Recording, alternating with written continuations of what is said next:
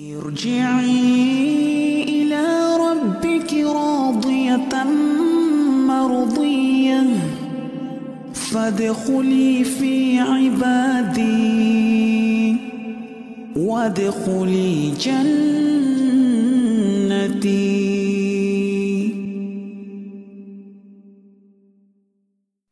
بسم الله الرحمن الرحيم. السلام عليكم ورحمة الله وبركاته. الحمد لله رب العالمين والصلاة والسلام على أشرف الأنبياء والمرسلين وعلى آله وأصحابه أجمعين. أشهد أن لا إله إلا الله وحده لا شريك له وأشهد أن محمدا عبده ورسوله صلى الله عليه وعلى آله وأصحابه ومن تبعهم بإحسان إلى يوم الدين وسلم تسليما كثيرا. يا أيها الذين آمنوا اتقوا الله حق تقاته ولا تموتن إلا وأنتم مسلمون. يا أيها الناس اتقوا ربكم الذي خلقكم من نفس واحدة وخلق منها زوجها وبث منهما رجالا كثيرا ونساء. واتقوا الله الذي تساءلون به والأرحام. إن الله كان عليكم رقيبا. يا أيها الذين آمنوا اتقوا الله وقولوا قولا سديدا. يصلح لكم أعمالكم ويغفر لكم ذنوبكم. ومن يطع الله ورسوله فقد فاز فوزا عظيما. أما بعد فإن أصدق الحديث كتاب الله. وخير الهدي هدي محمد صلى الله عليه وسلم وشر الأمور محدثاتها فإن كل محدثة بدعة وكل بدعة ضلالة وكل ضلالة في النار معاشر المسلمين معاشر المسلمات saudaraku saudariku rahimani wa rahimakumullah pertama-tama sekali saya mengajak diri sendiri dan mengajak saudaraku saudariku rahimani wa rahimakumullah agar kita bersyukur kepada Allah tabaraka wa taala Rabbul Izzati wal Jalalah wa Rabbul Jabaruti wal Malakuti wal Kibriyai wal Azamah atas limpahan rahmat dan nikmat yang tiada tara, yang tiada terhingga, yang Allah tabaraka wa taala karuniakan kepada kita.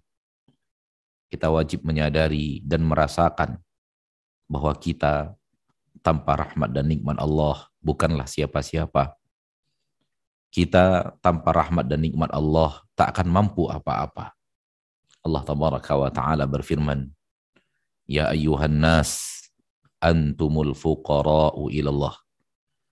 Wahai sekalian manusia, kalian adalah orang yang fakir, membutuhkan Allah Subhanahu wa taala. Di dalam hadis qudsi Allah tabaraka wa taala berfirman, "Ya ibadi, kullukum ja'iun illa man at'amtuh." Wahai hamba-hambaku, semua kalian adalah orang yang lapar, tidak bisa mendapatkan makanan illa man at'amtuh, kecuali orang-orang yang kuberikan kepadanya makanan. Ya ibadi, kullukum arin illa man kasautuh. Wahai hamba-hambaku, semua kalian adalah orang yang tidak berpakaian. Kecuali orang-orang yang kuberikan kepadanya pakaian. Maka inilah kita yang selalu membutuhkan rahmat dan nikmat Allah. Selalu memberi, membutuhkan karunia-karunia ilahi. Tampaknya kita bukanlah siapa-siapa. Salawat dan salam kepada Nabi kita tercinta, Rasul kita yang mulia, suri tauladan kita Nabi Muhammad bin Abdullah sallallahu alaihi wasallam. Yang telah memberikan kepada kita suri tauladan yang sempurna. Dan yang mengakui kesempurnaan itu adalah Allah di dalam Al-Quranul Karim. Di dalam surah Al-Ma'idah ayat yang ketiga. Di potongan ayat yang ketiga. Allah tabaraka wa ta'ala berfirman, Al-yawma akmaltu lakum dinakum wa atmamtu alaikum ni'mati wa raditu lakumul islam madina. Hari ini aku telah sempurnakan untuk kalian agama kalian dan aku telah sempurnakan juga kepada kalian nikmat-nikmatku dan aku telah meridhoi Islam sebagai agama kalian. Di dalam hadis Nabi Shallallahu Alaihi Wasallam Rasulullah SAW bersabda tentang kesempurnaan Islam. Mamin amalin yuqarribukum ilal jannah illa waqad amartukum bih. Wa ma min amalin yuqarribukum ilal nar illa waqad nahitukum anah. Tidak ada lagi amalan yang akan mendekatkan kalian ke surga. Melainkan semuanya telah kuperintahkan itu kepada kalian. Dan tidak ada lagi amalan yang akan mendekatkan kalian ke neraka. Melainkan semuanya telah aku larang kalian untuk mengerjakannya. Inilah teladan dari Nabi kita tercinta Sallallahu Alaihi Wasallam yang penuh dengan kesempurnaan, tidak memiliki kurang dan cacat, dan tidak memiliki kelemahan apa pun. Ma'asyiral muslimin, ma'asyiral muslimat, rahimani wa rahimakumullah. Jauh sebelum Nabi kita diutus oleh Allah Tabaraka wa Ta'ala, manusia hidup di dalam kegelapan. Manusia hidup di alam jahiliyah, di alam kebodohan. Kegelapan yang dimaksud bukanlah kegelapan dari cahaya, namun kegelapan dari ilmu yang hak.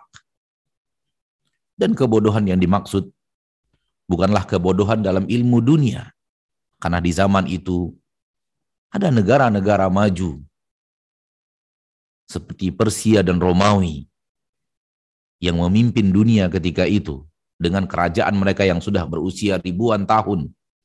Mereka juga negara-negara maju pada zaman itu dengan sains dan teknologinya, dengan kemampuan-kemampuan duniawi yang mereka miliki. Namun mereka adalah kaum yang hidup di dalam kegelapan karena tidak ada kebenaran dan hidup di dalam kejahilan karena tidak mengerti kebenaran itu. Sampai datangnya Nabi kita tercinta Muhammad sallallahu alaihi wasallam membawa cahaya dari Allah Wa anzalna ilaikum nuram mubina. Kami turunkan kepadamu cahaya yang sangat nyata. Cahaya yang sangat jelas. Maksudnya adalah syariat. Lalu Nabi mengajak manusia keluar dari kejahilan itu. Menuju ilmu. Keluar daripada kegelapan itu. Menuju cahaya ilmu. Cahaya hidayah, cahaya Islam. Sebelum itu manusia tidak tahu membedakan mana halal dan mana yang haram. Mana jalan yang diridhoi Allah dan mana jalan yang dimurkai Allah. Mana keimanan, mana kekufuran. Mana hal yang akan mendekatkan mereka kepada ridho Allah dan surganya. Dan mana pula, mana pula jalan yang akan mengantarkan mereka kepada murka Allah dan nerakanya. Sampai datangnya Nabi kita tercinta Muhammad sallallahu alaihi wasallam membawa syariat yang Islam yang sempurna seperti yang telah kita bicarakan sampaikan tadi di awal. Sehingga semuanya menjadi terang. Semuanya menjadi jelas. Tidak ada apa pun, saudaraku, saudariku, kaum muslimin dan muslimat, yang kita inginkan untuk menanyakan hukumnya. Apakah ini ridho Allah atau tidak? Melainkan dalam agama Islam ada jawabannya. Apakah ini atau akan adalah jalan yang Allah izinkan untuk kita lakukan? Atau ini adalah jalan yang Allah larang kita untuk mengerjakannya? Di dalam agama kita ada jawabannya. Apakah ini jalan ke surga atau jalan ke neraka? Di dalam agama kita ada jawabannya.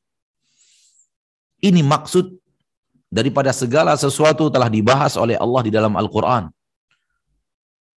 Di mana Allah Taala mengatakan, Ma farraqana fil kitab min syai' Kami tidak tersi, tidak sisakan apa pun sekecil apa pun di dalam Al-Qur'anul Karim. Rasulullah SAW bersabda, "Taraktukum 'alal mahajjatil bayda, lailiha kanahariha, la yazighu anha illa halik." Aku tinggalkan kalian di dalam jalan di jalan yang yang sangat terang benderang, sangat jelas segala sesuatu. Nabi terangkan ini yang diizinkan Allah, ini yang dibolehkan Allah, ini harus dikerjakan, ini harus dilakukan. Ini tidak diridhoi Allah, ini tidak halal. Ini jalan ke menuju murka Allah, ini jalan menuju neraka Allah yang harus dihindari. Semuanya jelas dan terang dan tidak ada yang tersisa. Taraktukum alal mahajjatil bayda, ku tinggalkan kalian pada jalan yang sangat terang benderang. Fungsi cahaya adalah agar kita bisa membedakan benda.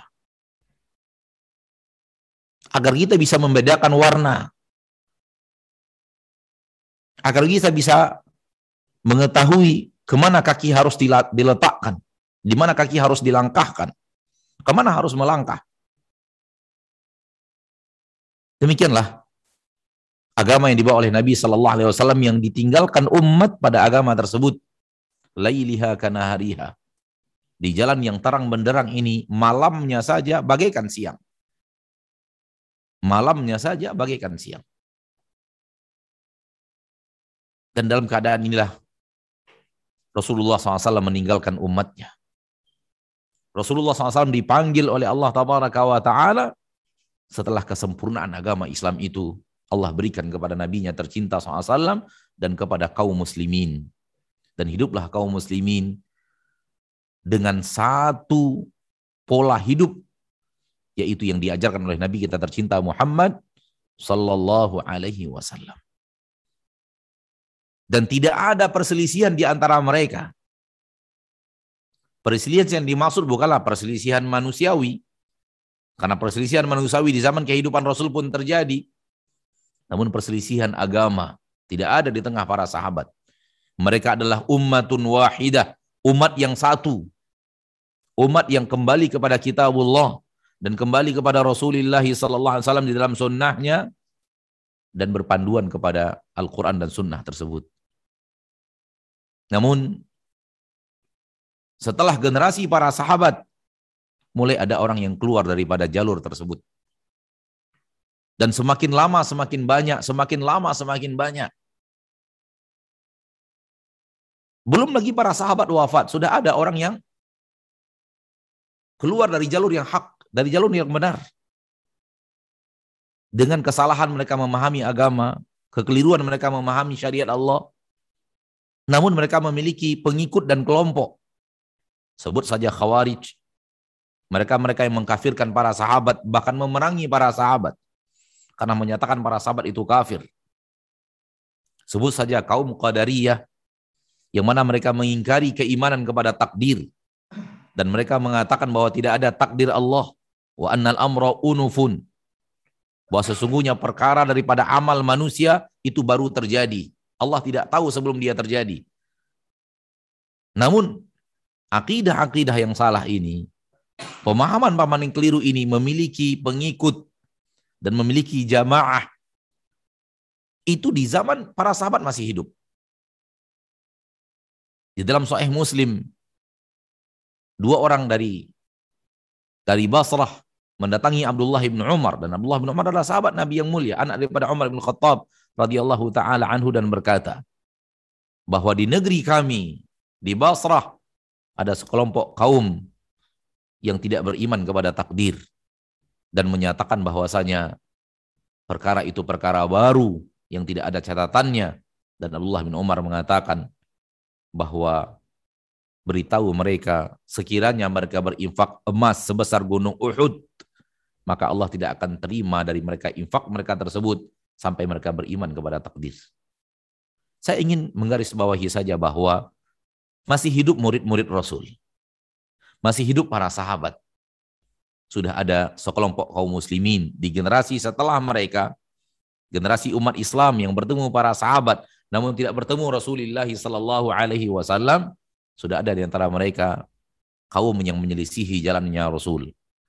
Kaum yang menyelisihi jalan yang diajarkan oleh Nabi kita tercinta Muhammad SAW dan mereka memiliki pengikut dan mereka memiliki memiliki jamaah tersendiri dan akhirnya membuat kelompok tersendiri dan begitulah seterusnya dan terjadi dan terjadi dan terjadi bisakah kita bayangkan lalu bagaimana dengan kita sekarang ini?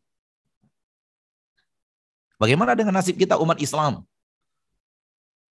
yang sudah 1400 tahun lebih ditinggal oleh nabinya tercinta Muhammad sallallahu alaihi wasallam.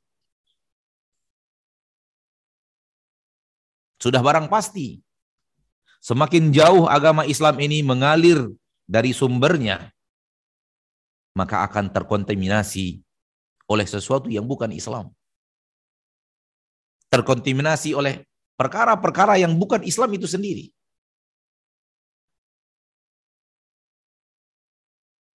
Masih belasan tahun atau 20 tahun sekian daripada kenabian sudah lahir aliran sesat di dalam agama Islam. Sudah lahir kelompok-kelompok yang menyelisih syariat dalam agama Islam. Di tubuh umat Islam. Yang didatangi oleh Abdullah bin Abbas, sahabat Nabi yang mulia. Sepupu Rasul kita tercinta yaitu para khawarij dan membantah pola berpikir mereka dan mengatakan bahwa sebanyak ini kalian tak ada seorang pun di antara kalian sahabat Rasulullah sallallahu alaihi wasallam.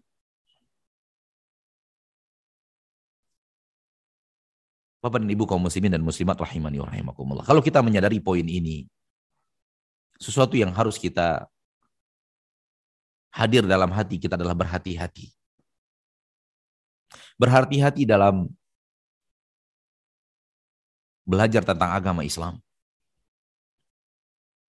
Berhati-hati di dalam mengamalkan agama Islam. Serius untuk mengetahui mana Islam yang diajarkan oleh Nabi Shallallahu Alaihi Wasallam, mana yang berbeda dengan yang diajarkan oleh Nabi Shallallahu Alaihi Wasallam tersebut. Dan tentunya poin yang pertama lebih penting daripada mengetahui poin yang kedua. Dan seseorang ketika berusaha menguasai poin yang pertama, perlahan tapi pasti dia memiliki kematangan untuk mengetahui poin yang kedua. Karena jebakan iblis begitu banyak. Jebakan kebatilan, kesalahan, kesesatan beraneka ragam. Di Pekanbaru, tahun 2001, Ketua Majelis Ulama Indonesia Provinsi Riau mengeluarkan tulisan di salah satu koran yang ada di provinsi tersebut. Beliau berkata, di Indonesia ini sudah lebih daripada 250 aliran sesat. Itu pada tahun 2001.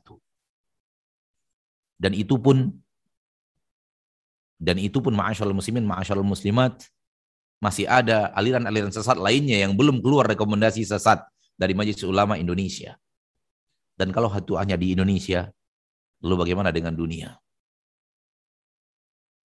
Faham akan poin ini, kita mengambil sebuah hal yang sangat teramat penting, yaitu kita harus berusaha masing-masing. Tak peduli siapa pun itu, setiap individu dari kita umat Islam harus serius untuk mengetahui mana agama Islam yang diajarkan oleh Nabi Shallallahu Alaihi Wasallam untuk kita amalkan.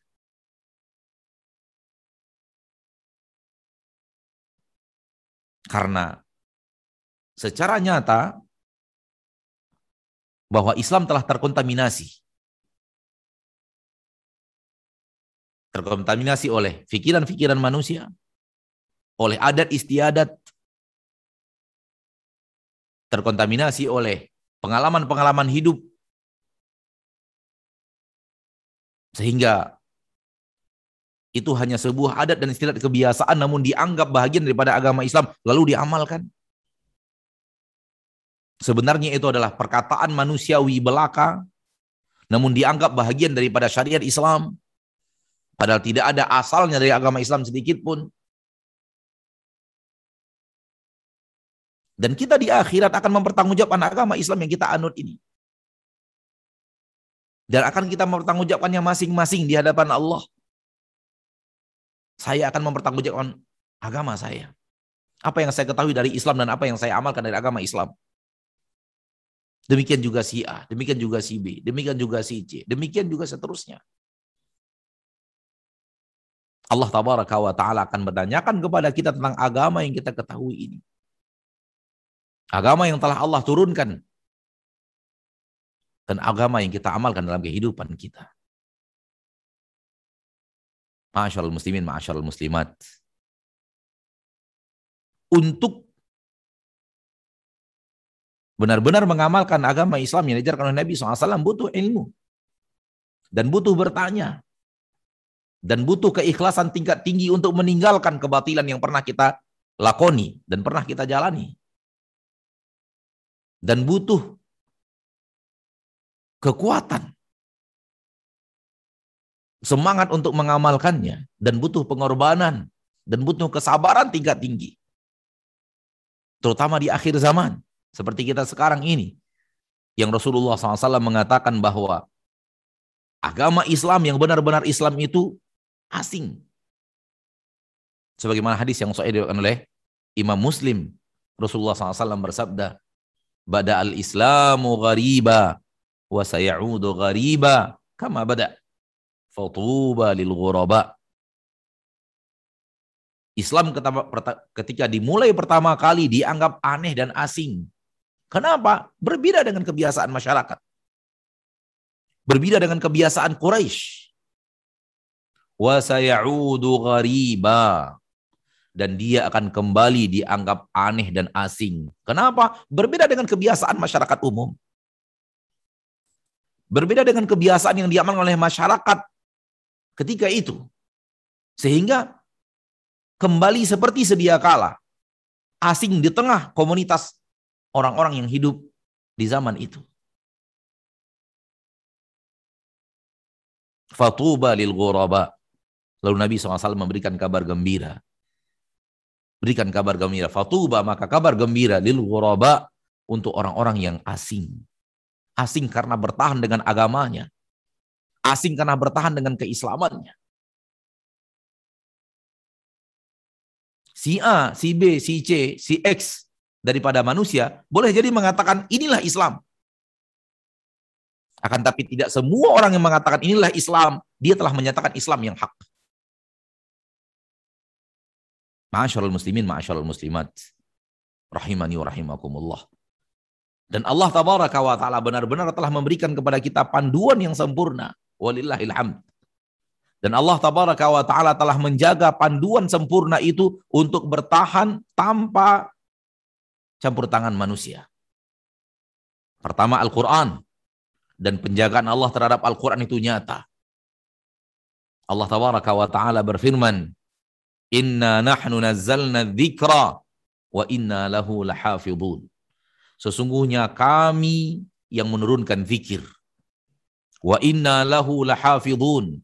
Dan sesungguhnya kami yang pasti akan menjaga zikir tersebut.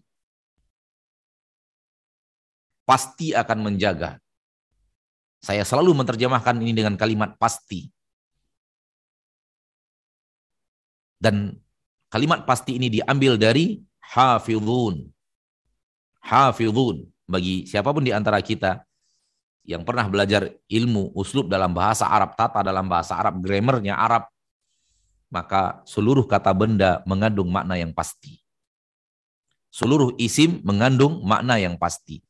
Maka Allah tabaraka taala mendatangkan isim dalam kalimat penjagaan.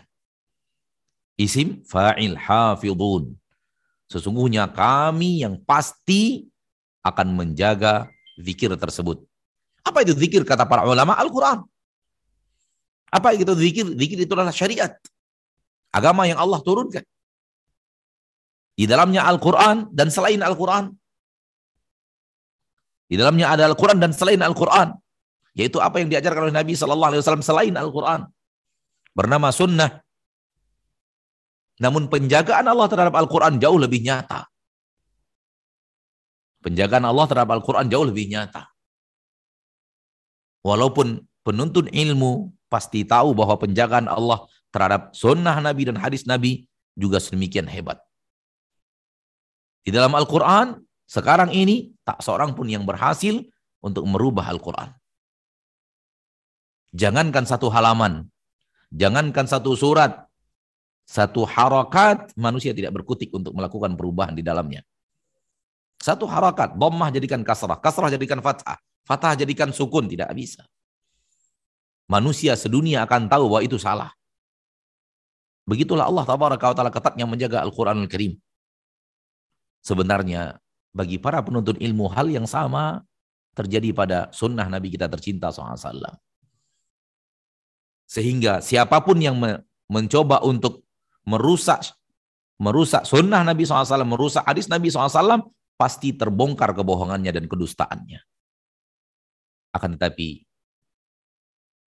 ya, ini bagi para penuntut ilmu yang belajar mana hadis Nabi yang sahih, mana yang karangan manusia, mana hadis Nabi yang benar-benar benar-benar dinisbatkan dan sah penisbatannya kepada Nabi, dan mana yang di dalamnya tercampur dengan perkataan orang, perkataan perawi, perkataan dan mana yang yang benar-benar bersih jalannya menuju Nabi dan mana di dalamnya masih diragukan apakah ini perkataan Nabi atau tidak. Yang kita kenal dengan istilah hadis sahih berarti sah kepada Nabi kita tercinta SAW dan hadis yang dhaif yang tidak yang diragukan keafsahannya dari Nabi kita tercinta Sallallahu Alaihi Wasallam dan mana hadis yang palsu, hadis yang dikarang oleh manusia.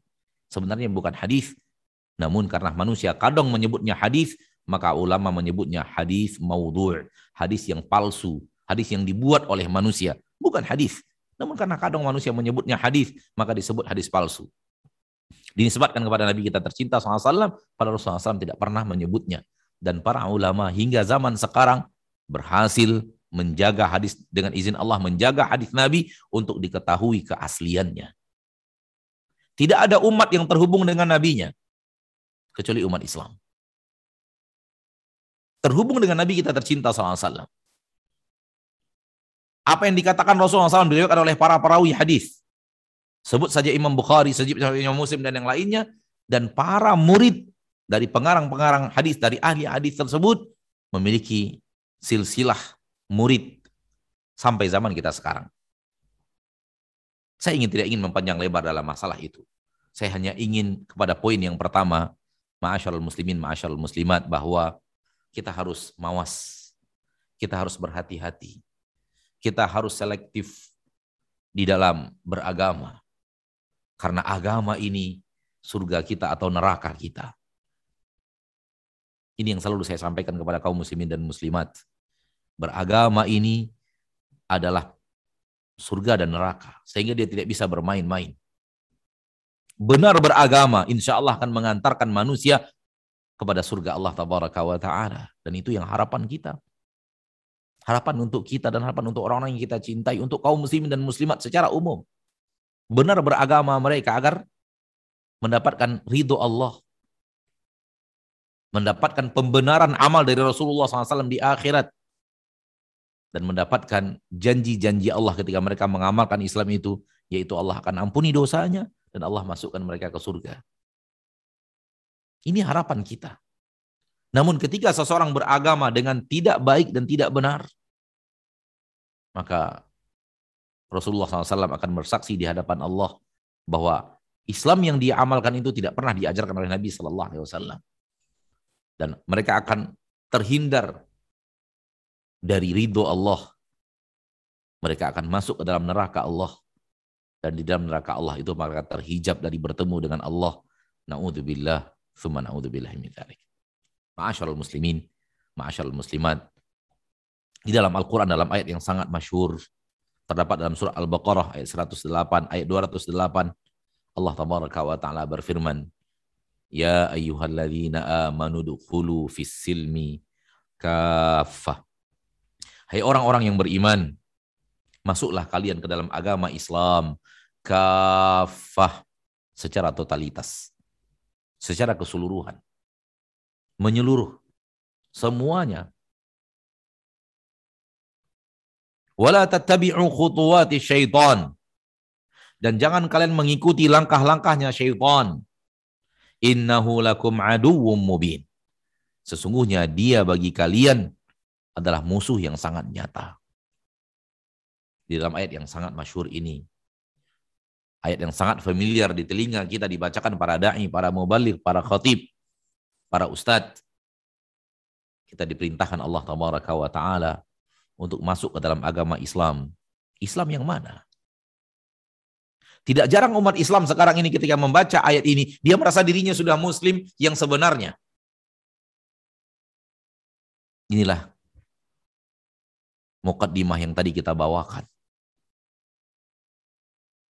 Boleh jadi kita mengatakan merasa bahwa kita di atas agama Islam yang kita amalkan ini benar-benar agama Islam.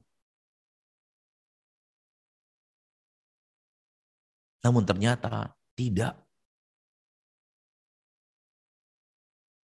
Yang kita amalkan itu tidak pernah diajarkan oleh Rasul. Tidak pernah diperintahkan Rasul. Tidak pernah diamalkan Rasul. Tidak ada contohnya dari Rasul kita tercinta Sallallahu Alaihi Wasallam. Bagaimana mungkin akan dikatakan kita adalah agama Islam? Islam tidak pernah memandang seseorang dari nama. Syariat ini akan menilai seseorang dari hakikat yang dia kerjakan. Terlepas dari seluruh penamaan.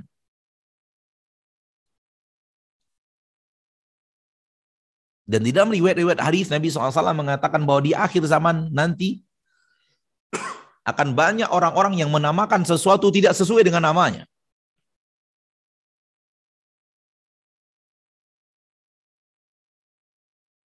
Termasuk di antaranya ketika dinyatakan bahwa ini adalah bagian daripada agama Islam dan bukan bagian daripada agama Islam itu sendiri. Ini yang tadi kita katakan Islam yang terkontaminasi. Diamalkan, dianggap bagian daripada syariat, padahal bukan bagian daripada syariat. Namun Islam yang dimaksud oleh ayat ini, Al-Baqarah ayat 208 ini, Islam yang datang dibawa oleh Nabi kita Muhammad sallallahu alaihi wasallam. Itulah Islam. Selain itu bukanlah agama Islam. Selain itu bukanlah syariat Islam. Udkhulu fi silmi kafah. Masuklah kalian ke dalam agama Islam secara keseluruhan. Islam secara totalitas. Jangan dipilih-pilih. Saya ikut yang ini, yang ini tidak. Dilarang oleh Allah tabaraka wa taala di dalam ayat ini kita untuk ikut sebahagian dan tidak ikut sebahagiannya. Di awal juz yang keenam Allah tabaraka wa taala berfirman yu'minuna bi ba'dil kitabi wa yakfuruna bi ba'd. Mereka beriman kepada sebahagian yang ada di dalam kitab dan mereka ingkari sebahagian daripada apa yang ada di dalam kitab. Allah tabaraka wa taala mencela orang yang memilih-milih sebagian dia beriman, sebagian kufur. Sebagian dia beriman, sebagian dia tidak beriman.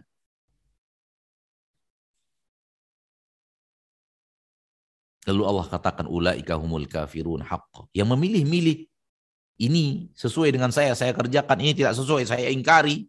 Ingkari ya, kalimatnya diingkari. Di, di, diingkari dan tidak mau mengimaninya. Bukan tidak mengerjakan sembari meyakini kebenarannya. Ini berbeda. Ini maksiat. Namun mengingkari kufur sebagaimana yang ada dalam ayat tadi. Yakfuru nabi ba'at. Mereka kufur dengan sebahagian kitab. Allah katakan, ulaika humul kafirun haqqa.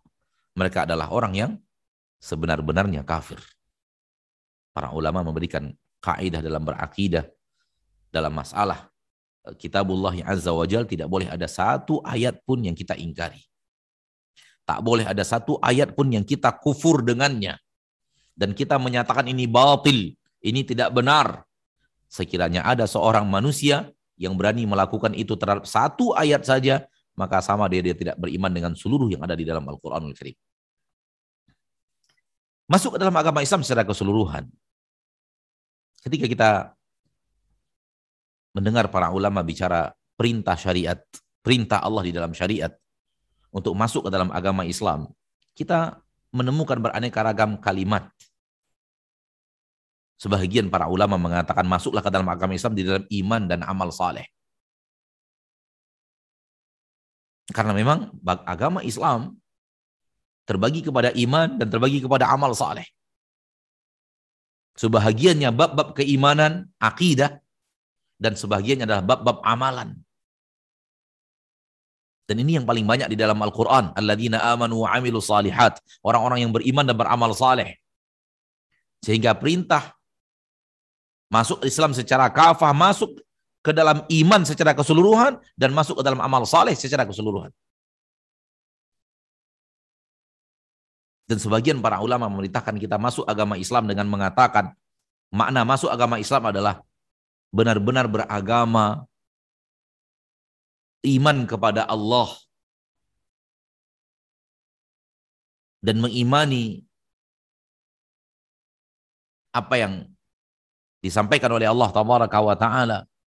Dan mempraktekkan agama Islam di dalam diri sendiri. Dan mempraktekkan agama Islam dalam bermuamalah kepada selain diri kita.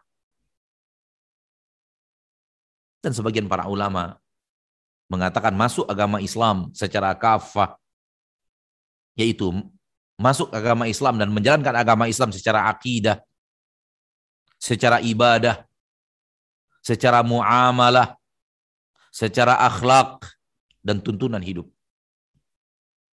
Dan ini yang akan menjadi bahasan kita pada kesempatan yang berbahagia ini. Sebagian para ahli ilmu yang memaknai dengan kalimat-kalimat mereka dan dan kalimat-kalimat ini hanya beda redaksi, namun ketika dijabarkan dengan penjabaran masing-masing, maka dia bertemu dalam titik bahwa kembali kepada apa yang diajarkan Nabi Sallallahu Alaihi Wasallam, kembali kepada apa yang diamalkan Nabi Sallallahu Alaihi Wasallam dan meninggalkan selain yang diajarkan oleh Nabi Sallallahu Alaihi Wasallam tersebut. Namun yang akan menjadi topik kita pada kesempatan yang berbahagia ini yang akan kita kita ambil dari bahasan kita pada kesempatan kali ini adalah beragama secara kafah adalah benarkan akidah, benarkan ibadah, benarkan muamalah, benarkan akhlak, dan benarkan apa yang kita lakukan di dalam tuntunan hidup kita. Pertama, ma'asyal muslimin, masuk Islam dalam akidah. Yaitu dalam akidah kita, keyakinan kita, kembalikan kepada Al-Quran dan kembalikan tuntunan kepada tuntunan yang ada di dalam Al-Quran dan kembalikan tuntunan kepada hadis Nabi Sallallahu Alaihi Wasallam. Rasulullah Sallallahu Alaihi Wasallam bersabda di dalam hadis, ya, Rasulullah SAW mengatakan ketika Nabi Sallallahu Alaihi Wasallam berbicara tentang tentang uh, hadis-hadis tentang akidah, Rasulullah SAW mengatakan, antaj'ala lillahi niddan wa huwa khalaqak. Syirik itu adalah engkau, dosa yang paling besar itu adalah engkau menjadikan sesuatu untuk Allah sebagai tandingan. Ini ketika Nabi bicara tentang akidah. Rasulullah SAW juga mengatakan, Ala unabbikum bi akbaril kabair. Maukah kalian aku beritahu tentang dosa yang paling besar? Al-isyraku billah. Berbuat syirik kepada Allah. Ini bahagian daripada akidah. Rasulullah SAW juga bersabda, Man qala la ilaha illallah mukhlisan min qalbihi dakhalal jannah. Barang siapa yang mengucapkan la ilaha illallah mukhlisan min qalbihi dakhalal jannah dia pasti akan masuk surga manakala dia ucapkan ikhlas dari hatinya.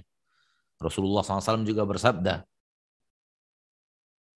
Man ata kahinan aw arrafan fasaddaqahu bima yaqul faqad kafara bima unzila ala Muhammad. Barang siapa yang mendatangi dukun dan mempercayai apa yang dikatakan oleh dukun tersebut dari perkara-perkara yang gaib, faqad kafara bima unzila ala Muhammad.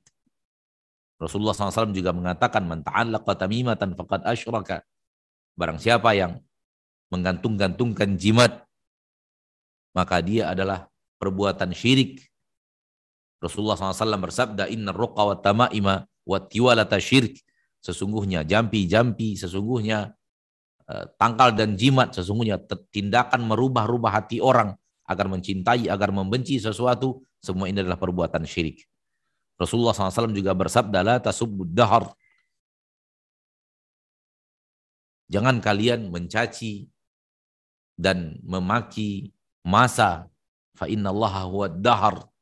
Semua hadis-hadis ini dikelompokkan oleh para ulama kepada hadis-hadis akidah. Termasuk juga hadis Nabi SAW ketika Nabi ditanya tentang oleh malaikat Jibril, akhbirni anil iman. Beritahu aku tentang iman.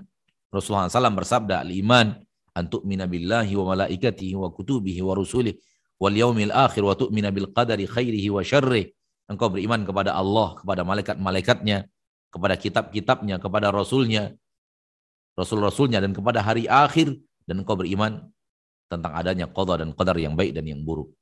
Apa pun yang berhubungan dengan bahasan Allah, sifat dan nama Allah, apa pun yang berhubungan dengan tentang malaikat, apa yang dilakukan oleh malaikat, bagaimana para malaikat, apa yang berhubungan dengan kisah para nabi dan para rasul, dan apa yang terjadi di tengah mereka, dan berhubungan dengan isi kandungan Al-Quran, terutama perkara-perkara yang di dalamnya penuh dengan gaib, dan terkhusus iman kepada hari akhir, dan seluruh yang berhubungan dengan hari akhir, dan iman kepada qadar dan qadar semua ini bahagian akidah.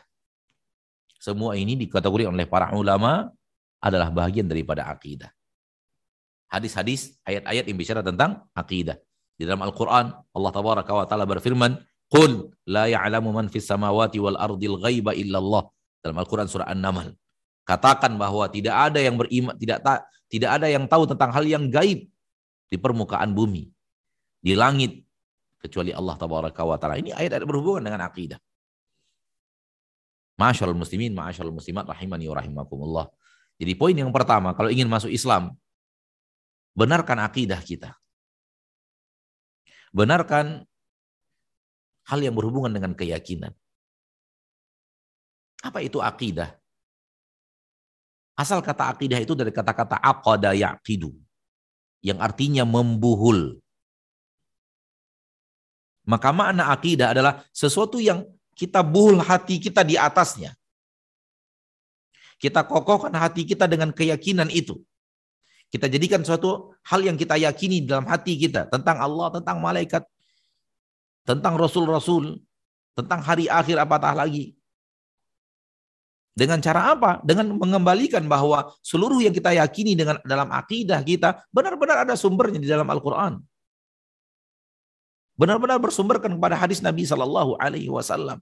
Benar-benar kita selaraskan akidah kita dengan sesuatu yang pernah diajarkan oleh Nabi kita tercinta Muhammad Shallallahu Alaihi Wasallam. Yang tadi kita katakan di awal bahwa Nabi SAW telah meninggalkan umat di dalam hal yang sangat nyata dan jelas. Kembalikan ke zaman itu. Akan banyak terjadi akidah-akidah yang tidak ada dalam agama Islam lalu masuk dalam tubuh umat Islam. Seperti keyakinan bahwa para guru adalah orang yang maksum, terpelihara dari dosa. Seluruh yang mereka lakukan dan mereka kerjakan adalah wahyu dari Allah. Seperti keyakinan-keyakinan bahwa Nabi akan datang di tengah-tengah mereka. Ini keyakinan-keyakinan yang batin. Seperti keyakinan bahwa manakala mengikuti seorang guru, maka guru itu akan mengamankan kita di hari akhirat, di yaumil mahsyar. Rasulullah SAW saja mengatakan, kepada anaknya Fatimah manusia yang paling dekat dengan dirinya sallallahu alaihi wasallam darah daging Rasul sallallahu Rasulullah SAW mengatakan ya Fatimah la ughni anki minallahi syai'a di akhirat aku tidak bisa menolong apa pun untukmu.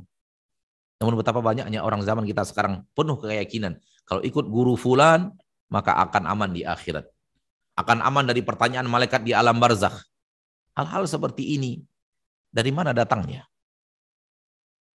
Rasul SAW ketika mengatakan kepada anaknya, di akhirat saya tidak bisa memberikan apa pun kepadamu.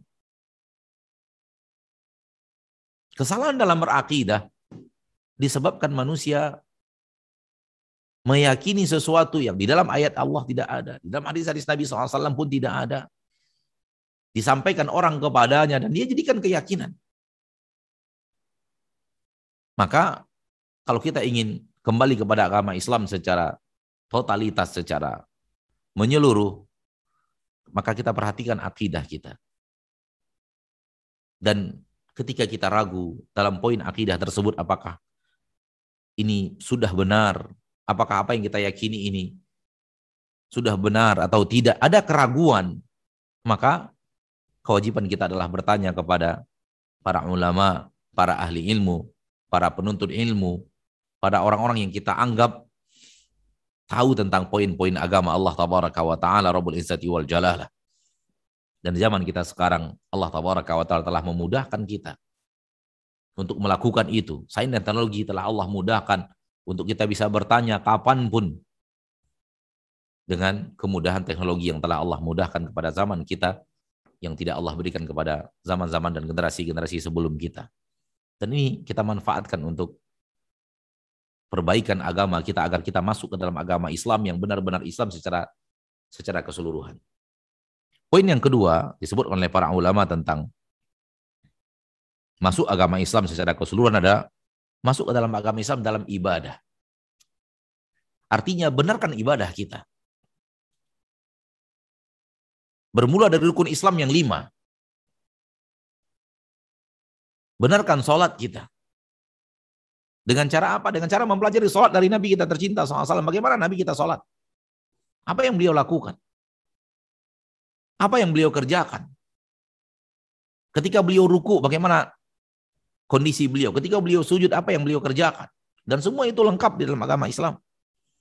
Karena Nabi SAW ketika sholat di tengah para sahabat, menyuruh para sahabat benar-benar memperhatikan sholat beliau. Agar meriwayatkan itu kepada umat. Rasulullah SAW bersabda kepada para sahabat, Sallu kama ra'aitumuni usalli. Sholatlah kalian sebagaimana kalian melihat saya sholat. Berarti disuruh melihat Nabi sholat dan sholat seperti itu. Kemudian Nabi SAW mengatakan liyuballigha syahida minkumul liyuballigha syahidu minkumul ghaib. Kalian kalian yang menyaksikan, kalian yang mendengarkan, kalian yang hadir sampaikan kepada yang tidak tidak hadir. Dan Nabi SAW mengatakan, Nadarallahu mru'an sami'a maqalati fawa'aha fa'addaha kama sami' farubba muballagin au amin sami' au amin sami' Siapa pun di antara kalian yang yang mendengarkan aku mengucapkan sesuatu, maka hendaklah dia sampaikan kepada yang lain. Sebagaimana dia dengarkan. Maka perintah kepada para sahabat untuk menyampaikan agama seperti yang dilakukan oleh Nabi kita tercinta Sallallahu Alaihi Wasallam. Dan bagi kita yang ingin sholat dan ingin benar-benar mempelajari bagaimana Nabi sholat, Alhamdulillah dimudahkan Allah di zaman kita sekarang. Para ulama telah membuat buku-buku yang berhubungan dengan bagaimana Nabi sholat mulai dari takbiratul ihram sampai salam. Sebagai seolah-olah engkau melihat Nabi sholat. Hal yang sama dengan puasa. Para ulama mengarang buku-buku tentang sifat puasa Nabi, bagaimana Nabi berpuasa. Hal yang sama dengan zakat. Para ulama mengarang kitab hadis yang berhubungan dengan bagaimana mengeluarkan zakat yang benar. Demikian juga dengan haji. Ma'asyarul muslimin, ma'asyarul muslimat rahimani wa rahimakumullah. Dan kalau itu hanya rukun Islam, Hal-hal yang wajib demikian juga dengan ibadah-ibadah lain yang walaupun tidak bagian daripada rukun Islam. Hal yang menjadi amalan yang akan kita amalkan dalam bentuk ibadah. Hal yang pertama yang harus kita lakukan sebelum melakukannya adalah menyelaraskannya dengan ilmu yang datang kepada kita dari Nabi Muhammad Sallallahu Alaihi Wasallam. Ambil contoh takziah, amalan manusia, ibadah manusia, bertakziah, Sungguh di zaman kita sekarang ini, tidak sedikit kaum muslimin yang mengamalkan takziah dengan cara pengamalan yang Rasul kita Shallallahu Alaihi Wasallam tidak pernah ajarkan. Yang Rasul kita Shallallahu Alaihi Wasallam tidak pernah amalkan. Dan itu mereka anggap bagian daripada ibadah. Yang sekiranya ditinggalkan oleh manusia di zaman itu, dari orang-orang yang ada di sekitar mereka, mereka akan menjadikan manusia tersebut adalah orang yang tercela dalam kehidupan mereka bermasyarakat. Padahal takziah yang mereka amalkan, bagian daripada ibadah yang mereka praktekkan tersebut benar-benar tidak bersesuai dengan tidak sesuai dengan apa yang diajarkan oleh Nabi kita tercinta sallallahu alaihi wasallam. Hal yang sama katakan dalam akikah anak. Hal yang sama katakan di dalam berwalimah. Sangat banyak masyaallah muslimin, masyaallah muslimat.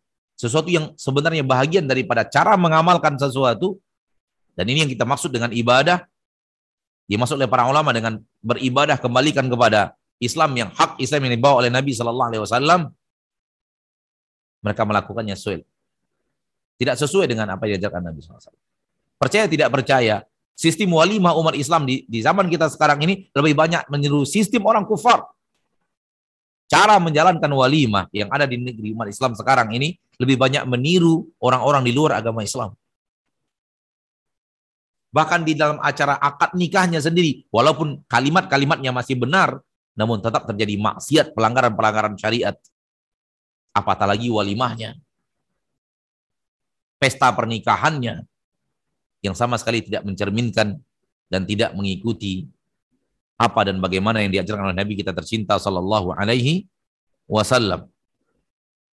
Berikutnya para ulama berbicara tentang hendaklah sesuaikan diri kita dengan akhlak yang ada dalam agama Islam.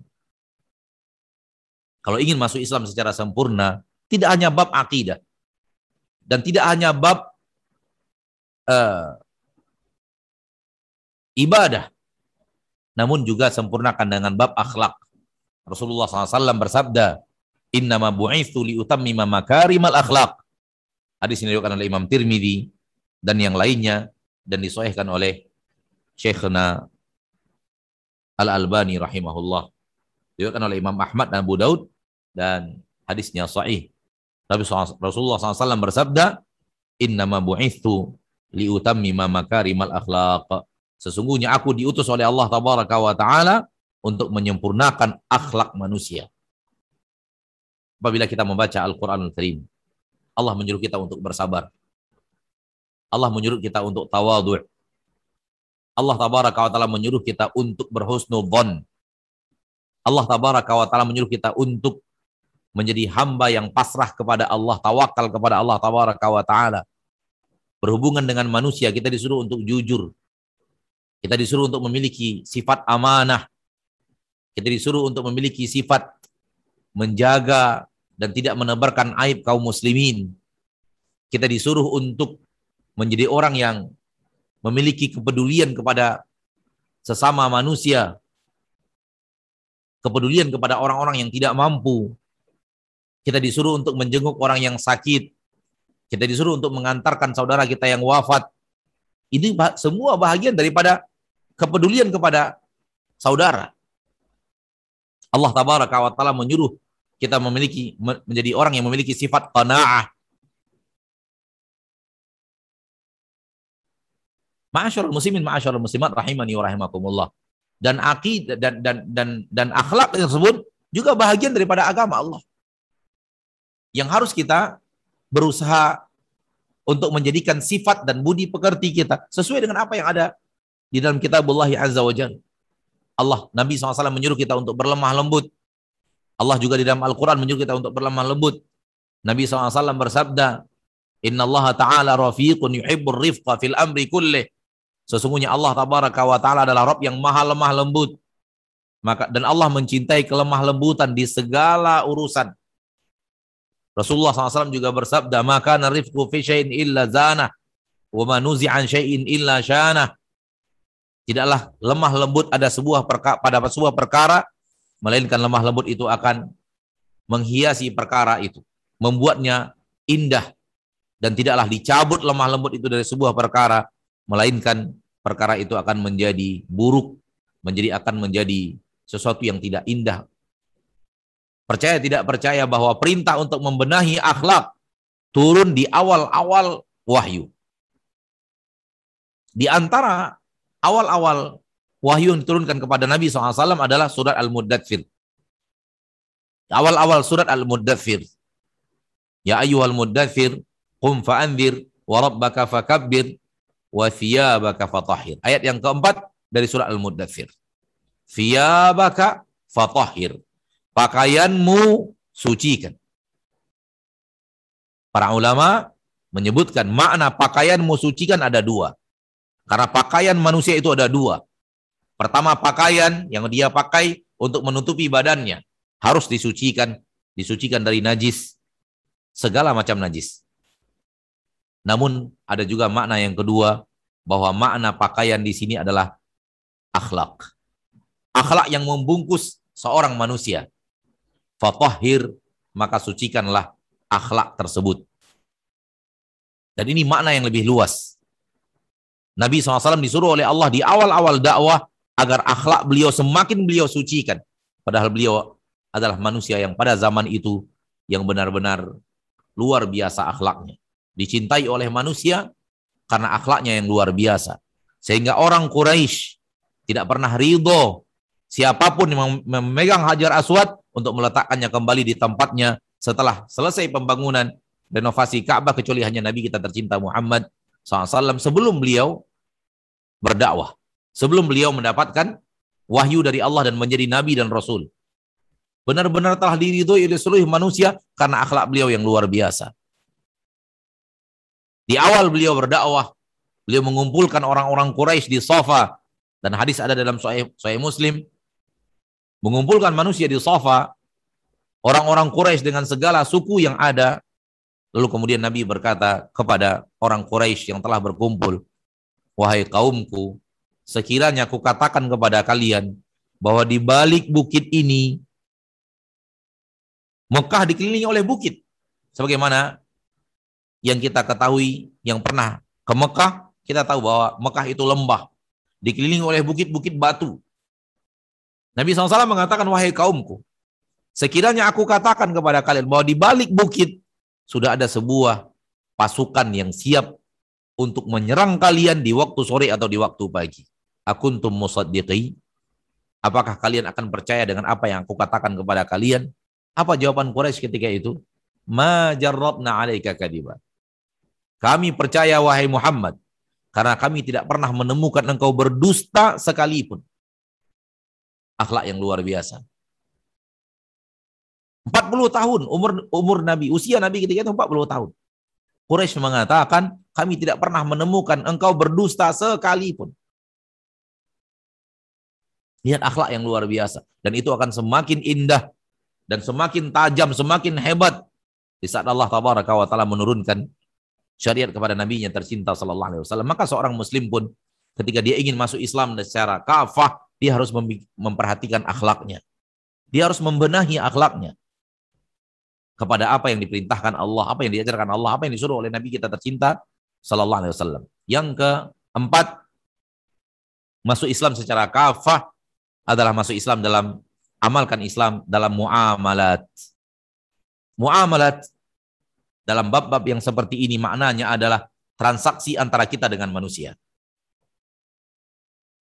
Hal yang akan menghubungkan kita dengan orang lain, akad-akad yang kita lakukan, transaksi-transaksi yang kita lakukan kepada manusia, ini yang disebut dengan bab muamalat. Muamalah antara kita dengan saudara kita muslim siapa pun dia. Sebagaimana Nabi dan para sahabat bertransaksi dengan dengan manusia, bertransaksi dengan orang Yahudi, bertransaksi dengan sesama muslim, mereka berjual beli, mereka melakukan aksi pinjam meminjam. Mereka melakukan aksi ambil barang lebih dahulu, bayar belakangan, atau bayar dahulu untuk didatangkan yang dibeli belakangan, dan mereka melakukan akad-akad. Maka agama Islam juga mengajarkan semua itu. Semua bab muamalat yang akan ter, terpaut antara dirimu dan manusia, semua itu ada di dalam agama kita keterangannya ayat-ayat Allah tabaraka wa taala, hadis-hadis Nabi sallallahu alaihi wasallam yang berhubungan dengan muamalat, hadis Nabi terutama sangatlah banyak. Allah tabaraka wa taala berfirman di dalam Al-Qur'an, "Wa duribat 'alaihim dzillatu wal maskanah illa bihablin minallahi wa minan nas." Akan ditimpakan kepada mereka kehinaan kecuali apabila memperbaiki hubungan mereka dengan Allah dan memperbaiki hubungan mereka dengan manusia. Rasulullah SAW bersabda, wa khuluqi wa, wa, wa Rasulullah SAW bersabda, ittaqillah haitsuma kunt wa atbi'i sayyi'atal hasanah wa khaliqin nas wa khaliqin nas bi khuluqin hasan. Bertakwalah kepada Allah di mana pun engkau berada. Dan Ittaqillah haitsu ma kunta watbi'is sayyi'atal hasanah. Dan ikutilah perbuatan buruk, salah yang pernah kau lakukan dengan perbuatan baik. Wa khaliqin nas. Dan bermuamalah bersama manusia. Berakhlaklah kepada manusia dengan muamalah dan akhlak yang baik. Bermuamalah kepada manusia, berakhlak kepada manusia dibagi dua oleh para ulama. Akhlak kita pribadi kepada orang dan ketika kita bermuamalah kepada manusia. Semua ini adalah bagian daripada bermuamalah dengan manusia dengan muamalah yang baik. Rasulullah SAW telah telah melarang beberapa jenis muamalat, di antaranya riba. Di dalam Al-Quran jelas tegas larangan bermuamalah manusia dengan cara riba. Pinjamkan orang, kemudian ambil keuntungan dari pinjaman tersebut. Allah tabaraka wa ta'ala melarang kita untuk melakukan transaksi riba. Dan Allah tabaraka wa ta'ala mengancam orang yang masih bertransaksi dengan manusia dengan transaksi riba dengan adab di neraka dan dengan perang. Rasulullah SAW di dalam hadis-hadisnya mengatakan la'anallahu akila riba wa mukilahu wa katibahu wa syahidai. Allah tabaraka wa taala melaknat orang-orang yang memakan harta riba dari muamalat yang salah dan batil. Maka apa pun yang kita lakukan kepada manusia dalam jual beli, dalam bermuamalah, dalam bertransaksi, kita harus pastikan bahwa transaksi kita sesuai dengan apa yang diajarkan oleh Nabi kita tercinta sallallahu alaihi wasallam. Dan yang terakhir di poin yang kelima kata para ahli ilmu ketika kita ingin masuk Islam secara kafah maka masuk Islamlah di dalam hal yang merupakan pola kehidupan.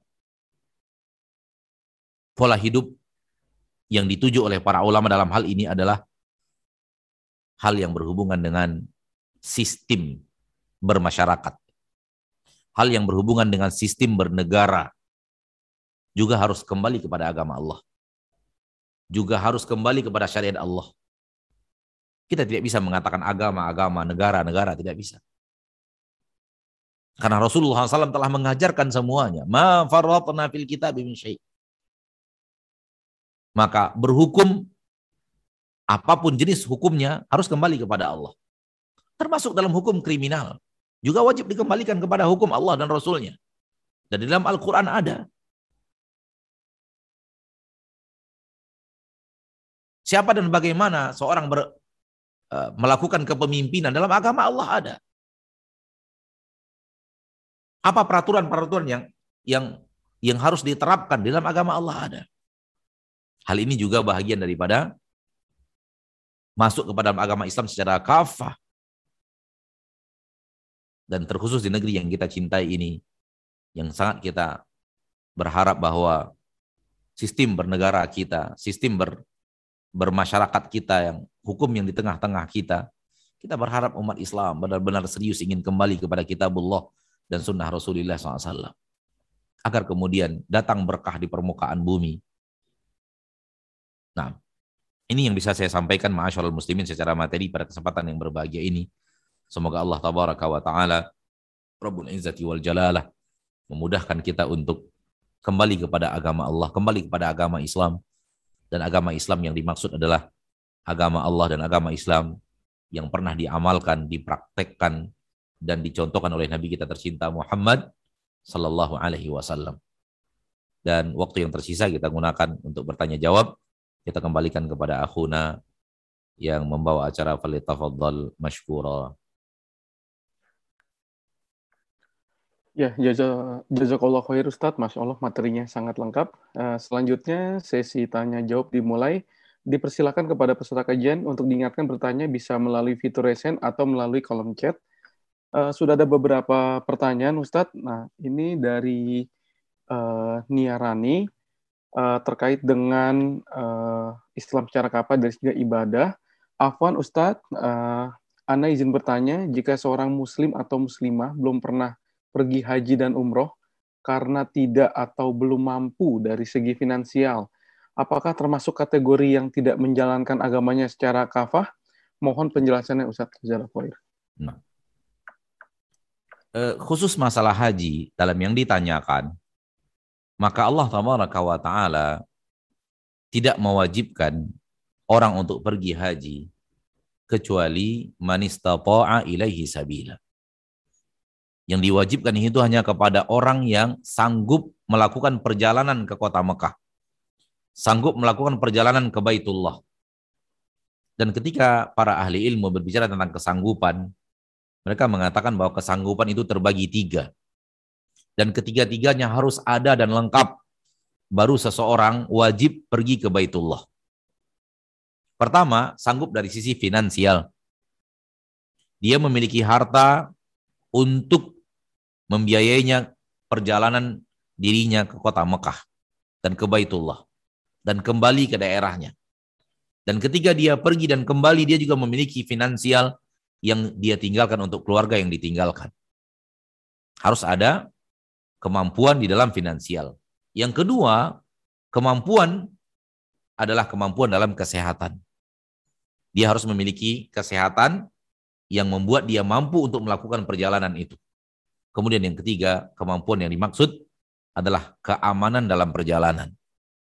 Boleh jadi finansialnya cukup, kesehatan, namun jalan tidak aman. Terjadi peperangan dalam perjalanan tersebut. Terjadi hal yang tidak membuat perjalanan itu tidak tidak tidak aman sehingga ada kemungkinan terancam nyawanya kalau kalau melakukan perjalanan itu. Ketika ketiga-tiga ini merupakan syarat untuk wajib menunaikan ibadah haji. Maka orang yang tidak memiliki kemampuan tadi, baik salah satu atau kedua atau ketiga-tiganya, dan dia dengan tidak mampunya tersebut tidak melaksanakan ibadah haji, maka dia bukanlah bukanlah orang yang tidak menjalankan Islam secara kafah. Kenapa? Karena baru dikatakan tidak menjalankan Islam secara kafah kalau dia sudah mampu, dia memiliki tiga syarat tersebut namun tidak menjalankannya. Bagi orang yang tidak yang tidak melakukan hal yang tidak diwajibkan Allah. Allah belum wajibkan. Sehingga dia tidak lakukan. Maka ini bukanlah orang yang kekurangan agama. Ini bukanlah orang yang kurang secara agama. Kenapa? Karena Allah belum mewajibkan itu kepada dirinya. Maka bisa dikatakan orang yang tidak berislam secara kafah manakala dia mampu melaksanakan ibadah haji ke Baitullah secara finansial, secara kesehatan, dan secara keamanan dalam perjalanan, namun dia tidak lakukan itu. Dia undur, dia undur, dia undur. Sampai akhirnya Allah wa ta'ala wafatkan dia sebelum dia melaksanakan hal yang telah Allah wajibkan kepadanya. Ini orang yang tidak Islam secara kafah. Yaitu dia tinggalkan hal yang telah Allah wajibkan kepadanya. Wallahu a'lam. Ya, baik Ustadz, ada pertanyaan berikutnya. Ini uh, dari hamba Allah. Assalamualaikum warahmatullahi wabarakatuh. Waalaikumsalam warahmatullahi wabarakatuh. Ustadz, Barakallahu Fikum Ustadz, saat Jumatan tadi di sebuah masjid yang bukan tempat Ana biasa sholat, diumumkan bahwa saldo kas masjid negatif dan berhutang kepada toko material karena sedang perluasan. Ana berniat melunasi hutang tersebut setelah selesai sholat. Qadarullah setelah sholat dilakukan zikir berjamaah yang cukup keras dan mengganggu jemaah yang akan sholat sunnah. Lalu Ana membatalkan niat tadi karena khawatir donasi hanya membantu melancarkan perbuatan bid'ah. Apakah tindakan Ana benar atau salah Ustadz? Mohon pencerahan, eh, pencerahan. Jazakallah khair Ustadz. Ya, mohon maaf sebentar Bapak. Karena di sini hujan jadi suaranya pun kurang terdengar dengan baik karena terpengaruh dengan suara hujan yang cukup deras. Iya. Uh, Bisa diulangi, jadi, Bapak? Iya. Bisa diulangi, mohon maaf. Iya. Uh, tadi uh, pesertanya bertanya tadi waktu sholat Jumat uh, dia ada pengumuman laporan masjid bahwa saldo kasnya negatif karena ada perluasan berhutang hmm. kepada toko material. Ya. Dia berniat untuk uh, membantu melunasi utang tersebut tapi uh, waktu setelah selesai, selesai sholat uh, dilakukan zikir berjamaah yang mengganggu pese, apa nama jamaah nah. untuk beribadah sholat sunnah. Baik. Jadi yang tadinya niat untuk membantu jadi membatalkan. Nah. Apakah anak salah atau tidak Ustaz? Mohon pencerahannya. Baik, barakallahu fiik. Uh, setelah tadi dianukan oleh teknisi, alhamdulillah terdengar dengan baik. Uh, seorang yang ingin melakukan sebuah ibadah yang tidak Allah wajibkan kepadanya, tidak Allah wajibkan. Dia ada niat untuk melakukan sebuah ibadah yang tidak Allah wajibkan. Kemudian dia urungkan niatnya tersebut dan tidak jadi melakukan ibadah tersebut. Ini dalam agama kita tidak dihitung kesalahan. Tidak dihitung bagian daripada kesalahan beragama. Kecuali ibadah yang diwajibkan Allah, dia urungkan niatnya melakukan ibadah yang diwajibkan Allah taala tersebut. Maka seorang yang sudah berniat untuk membantu pembangunan masjid atau melunasi hutang masjid, hutang pembangunan dalam renovasi sebuah masjid yang saldonya minus ya dia sedang sudah ada niat, sudah ada keinginan untuk berbuat ibadah yang tidak Allah wajibkan. Manakala dia urungkan niatnya tersebut, maka ini bukanlah pelanggaran secara syariat. Boleh bagi seorang untuk mengurungkan niatnya. Taib. Kasus yang sedang ditanyakan bahwa dia ingin melunasi hutang pembangunan eh, renovasi atau perluasan masjid tersebut ada niat. Setelah itu dia urungkan, secara syariat dia tidak melanggar. Secara syariat dia tidak melanggar. Namun apakah boleh dia lanjutkan? Jawabannya boleh. Jawabannya boleh. Dia urungkan niatnya secara syariat tidak terlarang karena itu bukanlah hal hal yang wajib. Namun apabila dia lanjutkan untuk memberikan sebagian hartanya untuk untuk pelunasan eh, pembangunan hutang daripada pembangunan masjid tersebut, maka itu boleh untuk dia lakukan. Karena itu adalah masjid tempat kaum muslimin sholat subuh, zuhur, asar, maghrib, dan isya terlepas dari apa pun yang dilakukan manusia daripada ibadah setelah sholat, seperti yang ditanyakan tadi, maka seorang ketika membantu pembangunan masjid, dan itu benar-benar tempat kaum muslimin sholat, maka dia ber, berpahala. Ya. Karena masjid adalah masjid. Adapun ibadah yang dilakukan manusia setelah sholat, yang kita ketahui ternyata tidak sesuai dengan apa yang diajarkan oleh Nabi SAW ini hal yang berbeda. Kita tidak membantu Amalan manusia yang tidak sesuai dengan sunnah, kita membantu bangunan masjid tempat orang sholat. Masjid yang tidak boleh dibantu adalah masjid yang di dalamnya digunakan untuk menghancurkan Islam. Itu yang tidak boleh. Menghancurkan Islam dalam makna ingin meruntuhkan agama Islam yang dibuat oleh orang-orang munafik dan sengaja di dalamnya akan dibuat sebuah sebuah aktivitas untuk menghancurkan Islam. Apalagi kita tahu, maka masjid yang seperti ini yang terlarang untuk kita yang kita bantu. Masyaallah muslimin, masyaallah muslimat. Di dalam kisah Nabi kita tercinta ada Masjid Dirar. Yang disebut oleh disebut di dalam Al-Qur'an Masjid Dirara. Masjid yang penuh mudarat. Dan tujuan mendirikan masjid itu adalah untuk menghancurkan Islam. Namun selagi dia adalah masjid yang dibangun untuk sholat, mengibadah, beribadah kepada Allah, ruku dan sujud, walaupun kemudian ternyata di dalam amalannya ada sesuatu yang harus diselaraskan dibenarkan, disesuaikan dengan dengan amalan Nabi. Kalau kita ingin melanjutkan niat untuk untuk berinfak di masjid tersebut, terutama di pembangunan masjidnya, maka diizinkan dan dibolehkan insya Allah. Dan kita terlepas dari amalan yang terjadi di masjid itu dari kaum muslimin yang mengamalkan sesuatu yang tidak dengan sunnah Nabi. Adapun pembangunan masjid tetap diizinkan kita untuk melaksanakannya. Wallahu taala alam. Namun kalau kita urungkan niat, ya itu pun di dalam agama kita bukanlah sebuah kesalahan dan dosa. Wallahu alam. Iya, pertanyaan berikutnya dari YouTube, uh, Pak Ustadz. Nah. Ustadz izin tanya, apakah hukum ijma dan ijtihad bisa dijadikan landasan yang kuat untuk kita? Jazakallah khair. Baik, barakallahu fiqh. Uh, sebelum saya menjawab itu, saya ingin mengatakan, pahami apa itu ijma dan fahami apa itu istihad. Karena ijma bisa saja ijma benar, bisa saja salah. Kemudian istihad bisa saja istihad benar atau istihad salah. Dan kita diperintahkan untuk memegang ijma yang benar dan memegang istihad yang benar. Dan kita diperintahkan untuk meninggalkan ijma yang salah dan istihad yang salah. Dan kapan sebuah ijma dikatakan ijma yang benar adalah manakala manusia sepakat dengan sesuatu yang ada keterangan jelas di dalam Al-Quran dan hadis. Para ulama bersepakat untuk sesuatu yang keterangannya jelas di dalam Al-Quran dan hadis. Dan dikatakan ijma adalah ketika para ulama bersepakat untuk menentukan ini hukumnya halal, ini hukumnya haram. Dan apa yang mereka jadikan oleh para ulama tersebut, apa yang dijadikan para ulama referensi untuk menyatakan ini halal? Ayat-ayat Allah. Hadis-hadis Rasulullah SAW.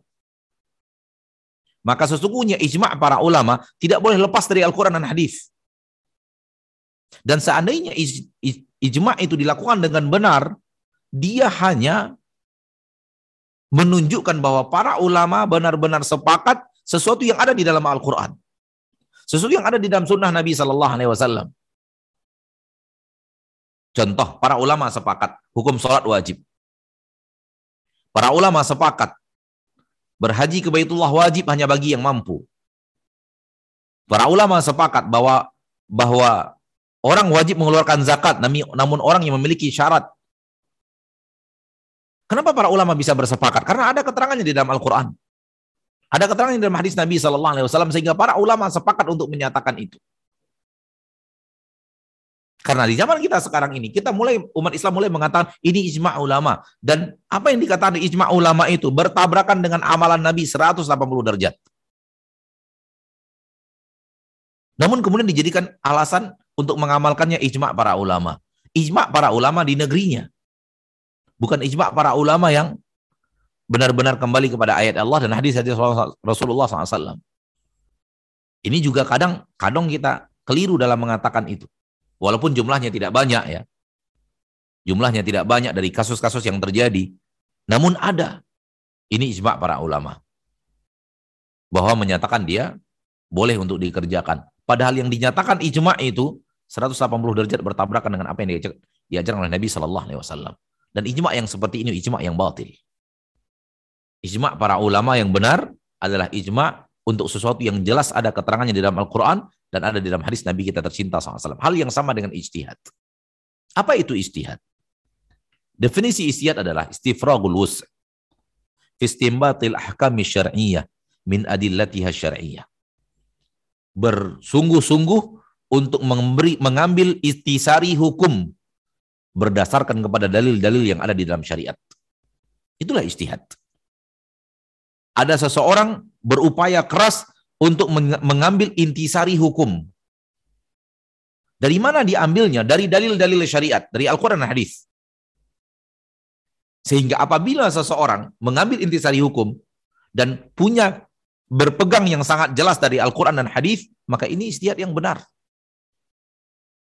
Dan sekarang ini, seperti yang saya katakan tadi di istihad, juga di negeri kita ini, ada sekarang mengatakan ini istihadnya seorang ulama. Ini istihadnya seorang ulama. Padahal istihad itu 180 derajat bertabrakan dengan hadis Nabi yang sahih. Lalu dikatakan istihad yang harus diikuti. Perintah untuk mengikuti mengikuti agama adalah istihadnya seorang alim. Rasulullah SAW berkata, Idza ijtahadal hakimu fa asaba falahu ajran. Wa in ijtahada fa akhta'a falahu ajrun wahid. Seorang alim, seorang berilmu, apabila dia beristihad dan ternyata istihadnya benar, maka dia mendapatkan dua pahala. Dan seorang hakim, seorang yang ahli ilmu, apabila dia beristihad, ternyata istihadnya keliru, tapi dia benar-benar beristihad, maka dia mendapatkan satu satu pahala, yaitu pahala beristihad. Ini menunjukkan bahwa ada istihad yang keliru dan salah. Dan itu pun bagi orang-orang yang sudah kembali kepada Al-Quran dan Hadis. Tetap ada yang benar, ada yang salah. Karena istihad adalah kemampuan seorang insan yang alim untuk mengambil intisari hukum. Ya. Lalu bagaimana dengan orang yang menyatakan ini istihad, padahal itu bertabrakan habis dengan Al-Quran? Tidakkah ada di antara kita sekarang yang mengetahui ada orang yang beristihad bahwa khamar itu halal, zina itu halal? Istihad ini apakah bagian daripada syariat? Qul billahi alaik. Mustahil kita bisa mengatakannya karena bertabrakan 180 derajat dengan Al-Qur'anul Karim yang sangat nyata. Innamal khamru wal maisir wal ansabu wal azlamu rijusun min amali syaitan. Katakan sesungguhnya khamar, judi, mengadu nasib di depan berhala, semua itu adalah perbuatan syaitan. Semua dosa yang itu perbuatan syaitan. nas yang tegas mengharamkan khamar. Lalu kemudian ada istihad ulama, kita katakan ada istihad ulama untuk menghalal, menghalalkan minum khamar, terutama di negeri-negeri yang dingin. Maka ini adalah hal yang tidak benar daripada istihad. Namun istihad seorang alim yang benar-benar ayat-ayat daripada hadis-hadis Nabi SAW dijadikan referensi untuk mengambil intisari. Maka ini istihad yang benar. Dan dia tetap tidak keluar dari Al-Quran dan hadis. Saya ingin mengatakan itu sebenarnya. Bahwa tak ada istihad yang keluar dari Al-Quran dan hadis. Istihad hanya kesepakatan ulama untuk sesuatu yang sudah ada di dalam Al-Quran dan hadis. Dan uh, ijma' maksudnya tidak ada ijma' yang keluar dari Al-Quran dan hadis. Karena ijma' itu adalah kesepakatan para ulama tentang sesuatu yang ada di dalam Al-Quran dan hadis. Dan ulama bersepakat. Dan tidak ada istihad yang keluar dari Al-Quran dan hadis. Karena istihad itu adalah seorang seorang alim mengambil intisari dari Al-Quran dan hadis. Sebagian kaum muslim zaman sekarang telah mengeluarkan istihad dan dan dan ijma sesuatu yang di luar Al-Qur'an. Sehingga ketika kita mengatakan kepada mereka harus membenahi Islam, harus menyelaraskan Islam dengan Al-Quran dan hadis, mereka mengatakan tidak hanya Al-Quran dan hadis, sumber referensi agama Islam. Ada istihad, ada ada ijma, ada qiyas. Kita katakan ijma, qiyas dan istihad, semuanya kembali kepada Al-Quran dan hadis. Ketika berijma, sesuatu yang harus ada di dalam Al-Quran dan hadis. Ketika beristihad, mengambil intisari dari Al-Quran dan hadis. Ketika mengkias, mengkiaskan kepada sesuatu yang ada di dalam Al-Quran dan hadis. Sehingga ijma, istihad, dan kias tidak keluar daripada Al-Quran dan hadis. Dia hanya aksi manusia, seorang insan untuk mengambil intisari dan melihat sesuatu yang ada di dalam Al-Quran dan hadis. Maka referensi umat Islam tetap kembali kepada dua poin. Yang dikatakan oleh Nabi SAW, ma intamasaktum bihi malan tadillu Aku tinggalkan kepada kalian dua perkara yang kalau kalian berpegang teguh dengan dua perkara itu, kalian tidak akan pernah tersesat untuk selama-lamanya. Kitab Allah wa sunnati. Kitabullah dan sunnahku. Maka yang beristihad harus bersihat dengan kitabullah dan sunnah. Yang ingin berijma dari para ahli ilmu harus berijma di atas Al-Quran dan sunnah. Dan yang ingin berkias harus mengembalikannya kepada apa yang ada di dalam Al-Quran dan sunnah. Oleh karena itu, kias, ijma, dan istihad kembali dia adalah bahagian daripada kitabullah dan sunnah Nabi kita tercinta Sallallahu Alaihi Wasallam yang dua-duanya adalah referensi rujukan umat Islam dalam beragama. Wallahu taala alam. Nah. Oke, berikut pertanyaan berikutnya. Oh, tadi udah ada resen tapi nggak jadi.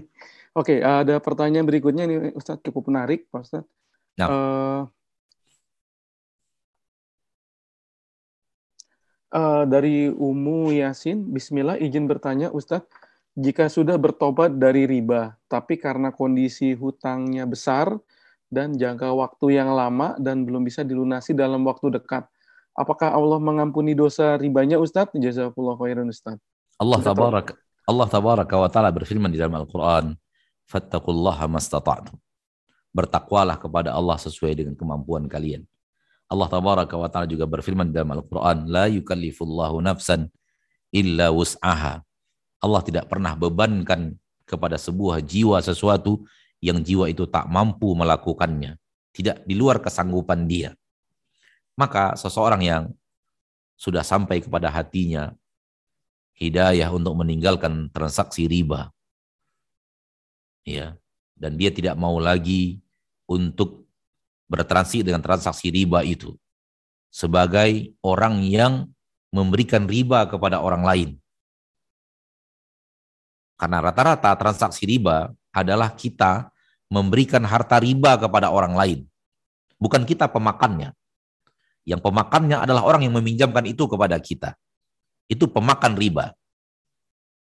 Namun kita yang meminjam, kita adalah mukilahu orang yang memberikan orang lain harta riba sehingga dia memakan harta riba dari harta yang kita berikan kepadanya. Sudah ingin berhenti, sudah tekad bulat dan alhamdulillah sudah mulai dikerjakan. Sehingga tak, tak ada lagi pinjaman-pinjaman baru. Namun pinjaman yang tersisa sebelumnya sangat besar dan kita sudah berusaha semaksimal yang kita mampu. Benar-benar tidak ada di dalamnya bermain-main. Segala kemampuan telah dicurahkan. Namun Allah takdirkan sampai saat ini belum terlunasi semuanya. Berlaku kepadanya ayat tadi fattaqullaha mastata'tum. Bertakwalah kepada Allah sesuai kemampuan kalian. sesuai dengan kesanggupan kalian.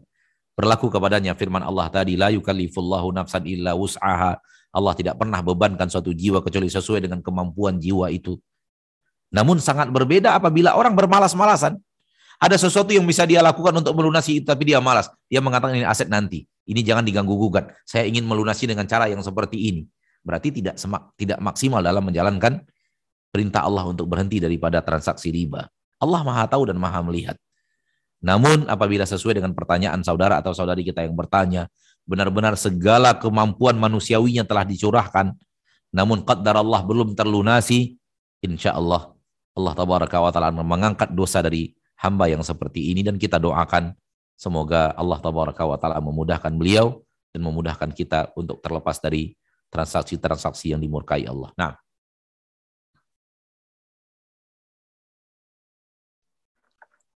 Oke, uh, masih ada waktu ya Pak Ustadz ya? Satu atau dua pertanyaan. Nah.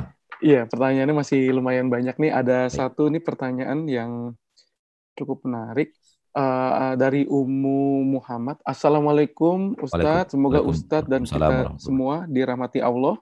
Amin. Izin bertanya, ya. apakah berdakwah adalah masuk dalam kategori Islam yang kafah? Dan jika tidak mampu berdakwah atau beramar ma'ruf nahi munkar, apakah bukan Islam yang kafah? Mohon pencerahannya jazakallahu khair. Allah tabaraka wa taala berfirman di dalam Al-Qur'an, "Ya ayyuhalladzina amanu qu anfusakum wa ahlikum nara." Hai orang-orang yang beriman, eh, bentengi diri kalian dan keluarga kalian dari api neraka. Maka kewajiban berdakwah untuk mengingatkan bahwa ini hal yang haram yang harus ditinggalkan. Dan ini adalah kewajiban yang harus dikerjakan. Itu ada kepada dua. Pertama, amfusakum. Diri kalian sendiri. Halal yang halal, yang diwajibkan harus dikerjakan. Hal yang haram, yang dilarang harus ditinggalkan. Diri sendiri. Yang kedua adalah orang yang Allah akan mintai pertanggungjawabannya kepada kita di akhirat. Ini yang dibuat, di, dikatakan dalam ayat setelahnya wa, wa ahlikum dan keluarga kalian. Dan makna keluarga di sini ya adalah orang-orang yang Allah tabaraka wa taala akan mintai kepada kita pertanggungjawaban di akhirat tentang mereka. Namun secara umum ini adalah kepala keluarga. Dan bisa bermakna lebih besar seiring dengan kepemimpinan yang dianugerahkan Allah atau di di di Allah pikulkan di pundak kita. Intinya adalah orang-orang yang akan menjadi tanggung jawab kita di akhirat. Allah akan tanyai kita tentang mereka. Rasulullah SAW dalam hadis yang sahih. Dari Imam Bukhari dan Muslim mengatakan kullukum ra'in wa kullukum mas'ulun an ra'iyati. Semua kalian adalah pemimpin. Orang yang memiliki wilayah kekuasaan wilayah kepemimpinan. Wa kullukum mas'ulun an ra'iyatih. Dan semua kalian adalah orang yang akan Allah mintai pertanggungjawaban atas apa yang dia pimpin. Al-Maliku Ra'in, seorang raja, pemimpin tertinggi sebuah negeri adalah pemimpin. Wa, wa, wa mas'ulun an ra'iyah. Dia akan ditanya oleh Allah tentang apa yang dia pimpin. Warrajulu ra'in fi ahli baitih. Dan seorang lelaki adalah pemimpin di rumah tangganya. Dan semua kita adalah pemimpin. Seluruh kita yang adalah suami adalah pemimpin. Dan ini yang mayoritas. Adapun raja hanya beberapa orang dari manusia. Namun pemimpin di rumah tangga hampir seluruh manusia laki-laki adalah pemimpin di rumah tangganya. Hampir semua lelaki. Tentu tidak tidak tidak 100%. Sebagaimana yang kita ketahui bersama namun hampir semua lelaki adalah pemimpin di rumah tangganya. Oleh karena itu hadis Nabi berangkat kepada hal yang mayoritas di yang yang menjadi pemimpin dalam mayoritas kepemimpinan. Demikian juga dengan ayat Allah tabaraka wa taala yang ada dalam surat Al-Qur'an yang tadi kita bacakan surat At-Tahrim ayat 6. Ya. Jadi kalau mereka adalah orang yang kita pimpin, maka kita dimintai oleh Allah pertanggungjawaban akan dakwah kepada mereka. Dakwah kepada mereka apakah artinya kita duduk kita ceramahi bukan itu. Tapi dakwah itu adalah ketika mereka meninggalkan yang haram, mereka meninggalkan yang wajib, kita tegur, kita nasihati. Bila perlu berikan kepada mereka hukuman yang membuat mereka jerah untuk meninggalkan yang wajib. Dan apabila mereka melakukan yang haram, kita nasihati. Kita suruh mereka untuk meninggalkan itu. Dan kita tidak memfasilitasi mereka untuk melakukan yang haram itu. Dan kita tidak biarkan mereka melakukan yang haram tanpa nasihat. Ini dia dakwah kepada keluarga. Sehingga di akhirat ketika mereka berbuat maksiat, kita terlepas dari dari di hadapan Allah bahwa Allah memintai kita pertanggungjawaban mereka melakukan kesalahan. Apakah engkau sebagai orang tua mendakwahi mereka, menyatakan kepada mereka itu adalah hal yang keliru yang harus ditinggalkan? Kalau kita menegakkan kewajiban kita mendakwahi mereka, menyampaikan itu kepada mereka, kita lepas dari tanggung jawab kita di akhirat. Dan dosa itu ditanggung oleh anak sendiri. Namun permasalahan yang yang akan menyeret kita kepada kepada dosa adalah di saat kita tidak melakukan amar ma'ruf nahi mungkar atau dakwah kepada orang yang akan Allah mintai pertanggungjawabannya kepada kita. Justru kita yang memfasilitasi anak kita untuk berbuat maksiat. Justru kita yang yang membiarkan mereka dan bahagia melihat mereka berbuat maksiat. Sebagaimana yang banyak terjadi di zaman kita sekarang ini. Anaknya berbuat maksiat malah malah disupport habis-habisan. Malah diberikan dukungan yang luar biasa. Padahal anak jelas-jelas membuka aurat. Jelas-jelas auratnya dipajang untuk dilihat oleh jutaan mata seperti yang yang yang kita ketahui bersama. Ya maka dakwah seperti ini hukumnya adalah wajib sehingga apabila tidak ditegakkan maka kita tidak masuk Islam secara kafah. Kita tidak masuk Islam secara kafah. Namun dakwah yang sifatnya tidak wajib. Dakwah yang sifatnya tidak wajib apabila kita tidak lakukan ya, maka eh, tidak dianggap seorang muslim yang meninggalkan eh, Islam, meninggalkan perintah Allah untuk masuk Islam secara wajib. Karena yang yang yang tidak wajib apabila ditinggalkan seorang muslim tidak tidak membuat dia tercela di hadapan Allah. Namun kesempurnaan Islam bervariasi. Semakin sempurna ibadah sunnatnya, semakin sempurna kesempurnaan Islamnya, semakin hebat dia masuk Islam secara kafahnya. Namun manakala dia tidak melakukan yang diwajibkan Allah wa taala, maka tidak ada cacat dalam agamanya karena Allah tidak pernah murka kepada hamba yang tidak melakukan ibadah yang tidak Allah wajibkan kepada mereka.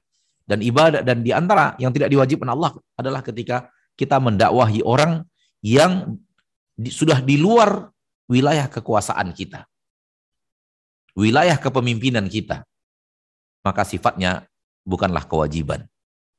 Namun apabila ditinggalkan secara keseluruhan dan tidak seorang pun yang mengamalkan, maka ketika itu manusia dianggap tidak menjalankan Islam dengan baik dan kafah. Wallahu a'lam.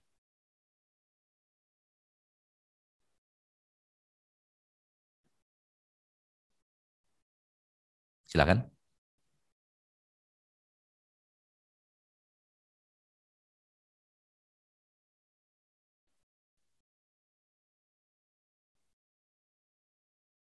Silakan. Terputus.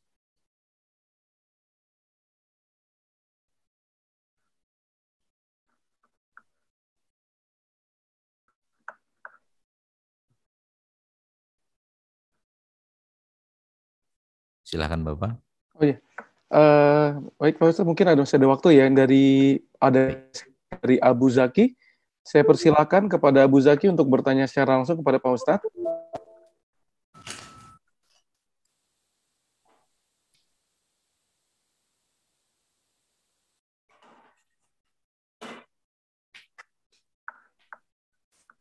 Kepada Abu Zaki, silakan bertanya langsung.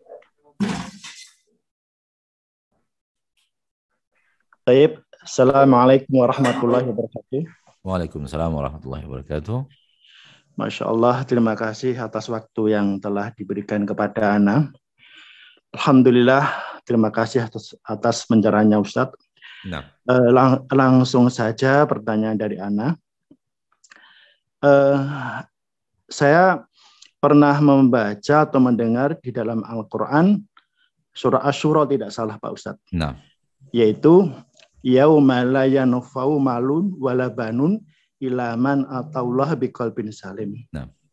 Pada hari yang tidak bermanfaat harta dan anak kecuali orang-orang yang menghadap Allah dengan hati yang bersih.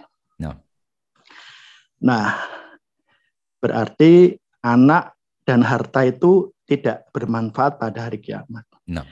Kemudian di dalam sebuah hadis uh, Rasulullah mengatakan ida mata al insan ing itu Ustaz.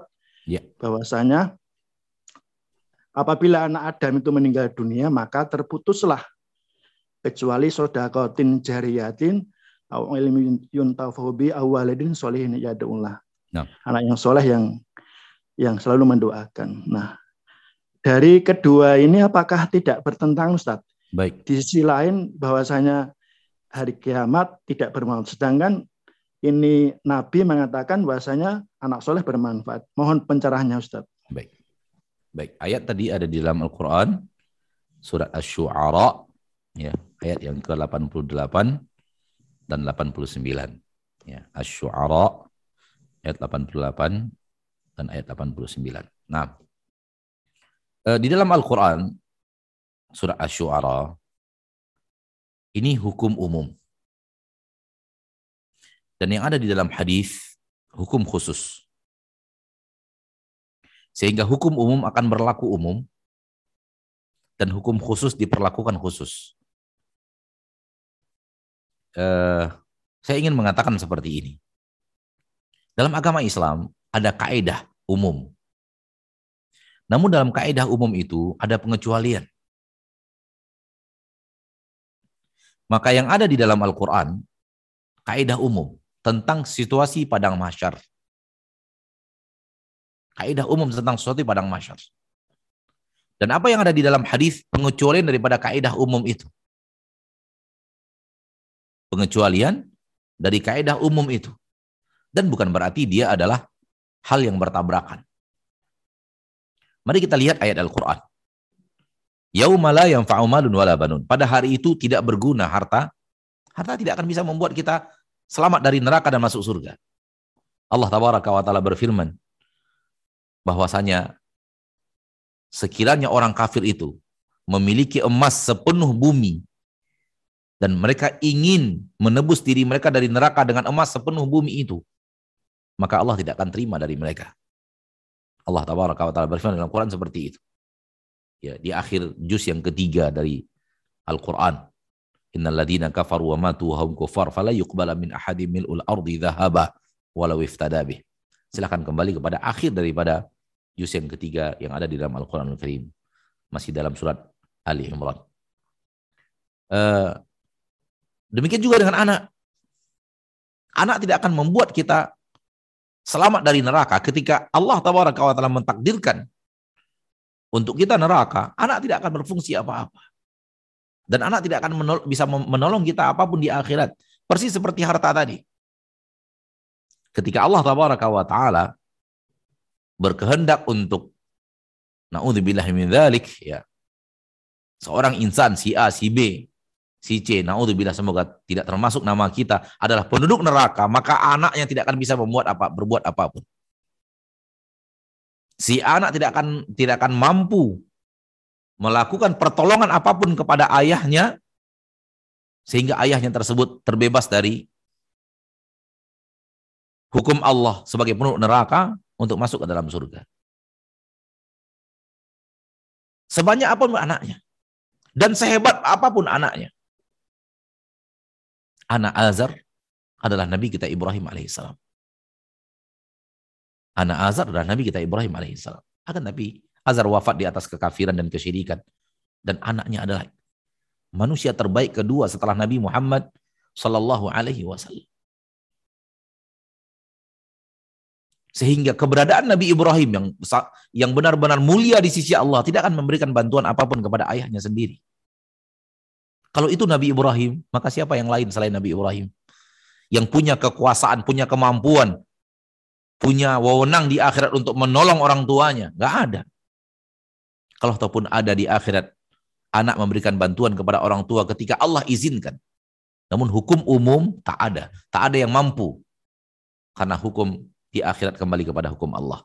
Adapun yang dibicarakan oleh Nabi Wasallam adalah sebuah hukum khusus di mana ketika seorang manusia ketika seorang manusia itu melakukan pendidikan yang baik untuk anaknya, melakukan pengarahan yang baik untuk anaknya, sehingga ilmunya berbekas kepada anaknya, nasihat-nasihatnya berbekas kepada anaknya, sehingga anaknya dia orang yang saleh. Ketika dia wafat, sang anak yang saleh dengan berbuat amal saleh dan sifat anak yang soleh itu rajin mendoakan orang tuanya akan mengalirkan pahala untuk orang tua, mengalirkan pahala untuk orang tua, mengalirkan pahala untuk orang tua. Dan pahala inilah yang akan yang akan menyelamatkan dia di akhirat dengan izin Allah Subhanahu wa taala. Jadi yang ada sebenarnya adalah amal itu sendiri. Amal si orang tua dalam mendidik anaknya untuk menjadi anak yang saleh. Menasehati anaknya ketika anaknya salah untuk meninggalkan yang salah dan, dan berjalan di atas jalan yang hak. Dan yang yang dia nikmati, yang dia nikmati dari anak yang soleh itu adalah buah karyanya ketika dia tinggalkan dunia dengan seorang anak yang soleh. Kembali sebenarnya kepada bahasan manusia mendapatkan ganjaran sesuai dengan amalnya masing-masing disebabkan dia beramal kepada anaknya, mendidik anaknya di dunia, sehingga anaknya dengan izin Allah menjadi anak yang soleh, maka dia mendapatkan buah daripada amalnya tersebut. Anaknya yang soleh yang dia didik selalu menghadirkan pahala kepadanya eh, ketika dia sudah wafat dengan amal-amal soleh anaknya. Jadi kalau kita katakan bahwa ini tidak bertabrakan, yang ada di dalam Al-Quran, hukum umum, manusia tidak bisa memberikan manfaat apa pun kepada manusia lain. Dan yang ada ber, yang ada di dalam hadis Nabi Shallallahu Alaihi Wasallam hukum khusus tentang seorang anak yang e, orang tuanya memanfaatkan keberadaan anak itu untuk bertakwa kepada Allah dengan memberikan tarbiyah kepada anak, memberikan nasihat kepada anak, memberikan didikan kepada anak agar kembali kepada ayat Allah dan hadis-hadis Rasulullah Sallallahu Alaihi Wasallam. Ini yang bisa saya jawab. Wallahu taala a'la wa a'lam bisawab. Uh, Jazakallah khair Ustaz. Uh, nah. Masih ada waktu untuk pertanyaan Ustaz? Satu mungkin Pak terakhir. Satu lagi ya. Oke oke. Nah. Uh, ini ada pertanyaan terakhir dari YouTube. Uh, Bismillah, izin bertanya Ustadz dulu Ana mengerjakan sholat duha untuk meminta supaya rezeki lancar atau supaya doa Ana dikabulkan Allah. Apakah ini juga termasuk perkara Islam tidak kafah? Mohon pencerahannya. Jazakallah khair. Nah, Nabi Shallallahu Alaihi Wasallam eh, mengatakan, barang siapa di antara kalian yang memiliki hajat, maka hendaklah dia berwudu dan melakukan sholat dua rakaat dan dia sebutkan hajatnya setelah dia melakukan sholat tersebut. Dan ini disebut oleh para ulama menyampaikan kepada Allah doa-doa kita setelah kita ruku dan sujud. Dan bisa dia dikhususkan dengan satu sholat di luar sholat-sholat yang ada untuk menyampaikan maksud dan hajat kepada Allah tabaraka wa ta'ala. Ini disebut dengan sholat hajat dan boleh juga diucapkan pasca sholat mana pun. Pasca sholat wajib, pasca sholat qobliyah atau ba'diyah, pasca sholat duha, pasca sholat tahajud. Karena Nabi SAW mengatakan, ucapan setelah Anda ruku dan sujud menghadap Allah dan melaksanakan sholat dua rakaat. Maka hukum dasarnya mengucapkan permintaan dan me me menyebutkan permintaan kepada Allah setelah sholat adalah bagian daripada hal yang diizinkan. Bagian daripada hal yang diizinkan. Namun mengkhususkan satu sholat saja untuk itu, ini yang tidak ada dalam syariat. Seperti mungkin yang tadi ditanyakan, mengkhususkan sholat duha, ini dikhususkan untuk doa rezeki. Permintaan rezeki dikhususkan hanya untuk khusus untuk sholat duha, dikhususkan untuk doa. Sebenarnya doa apa saja. Jangan dikhususkan. Mungkin ada keyakinan ini datang dari keyakinan sebagian orang mengatakan bahwa sholat duha untuk melapangkan rezeki sehingga akhirnya benar-benar dikhususkan sholat duha untuk doa setelahnya permintaan rezeki kepada Allah. Jangan khususkan sholat apa pun. Karena Nabi tidak pernah mengkhususkan sholat duha dikhususkan untuk permohonan hamba terhadap rezeki. Tidak ada perintah dari Nabi kita Sallallahu Alaihi Wasallam kalau kalian ingin minta rezeki kepada Allah, ucapkanlah setelah sholat duha. Oleh karena itu, mengkhususkan sholat duha untuk permintaan rezeki, mengkhususkan itu yang ter, yang uh, tidak sesuai dengan apa yang diajarkan oleh Nabi kita tercinta Sallallahu Alaihi Wasallam. Sebenarnya permintaan rezeki bisa diucapkan di sholat mana pun. Karena hukumnya umum mengucapkan doa setelah sholat.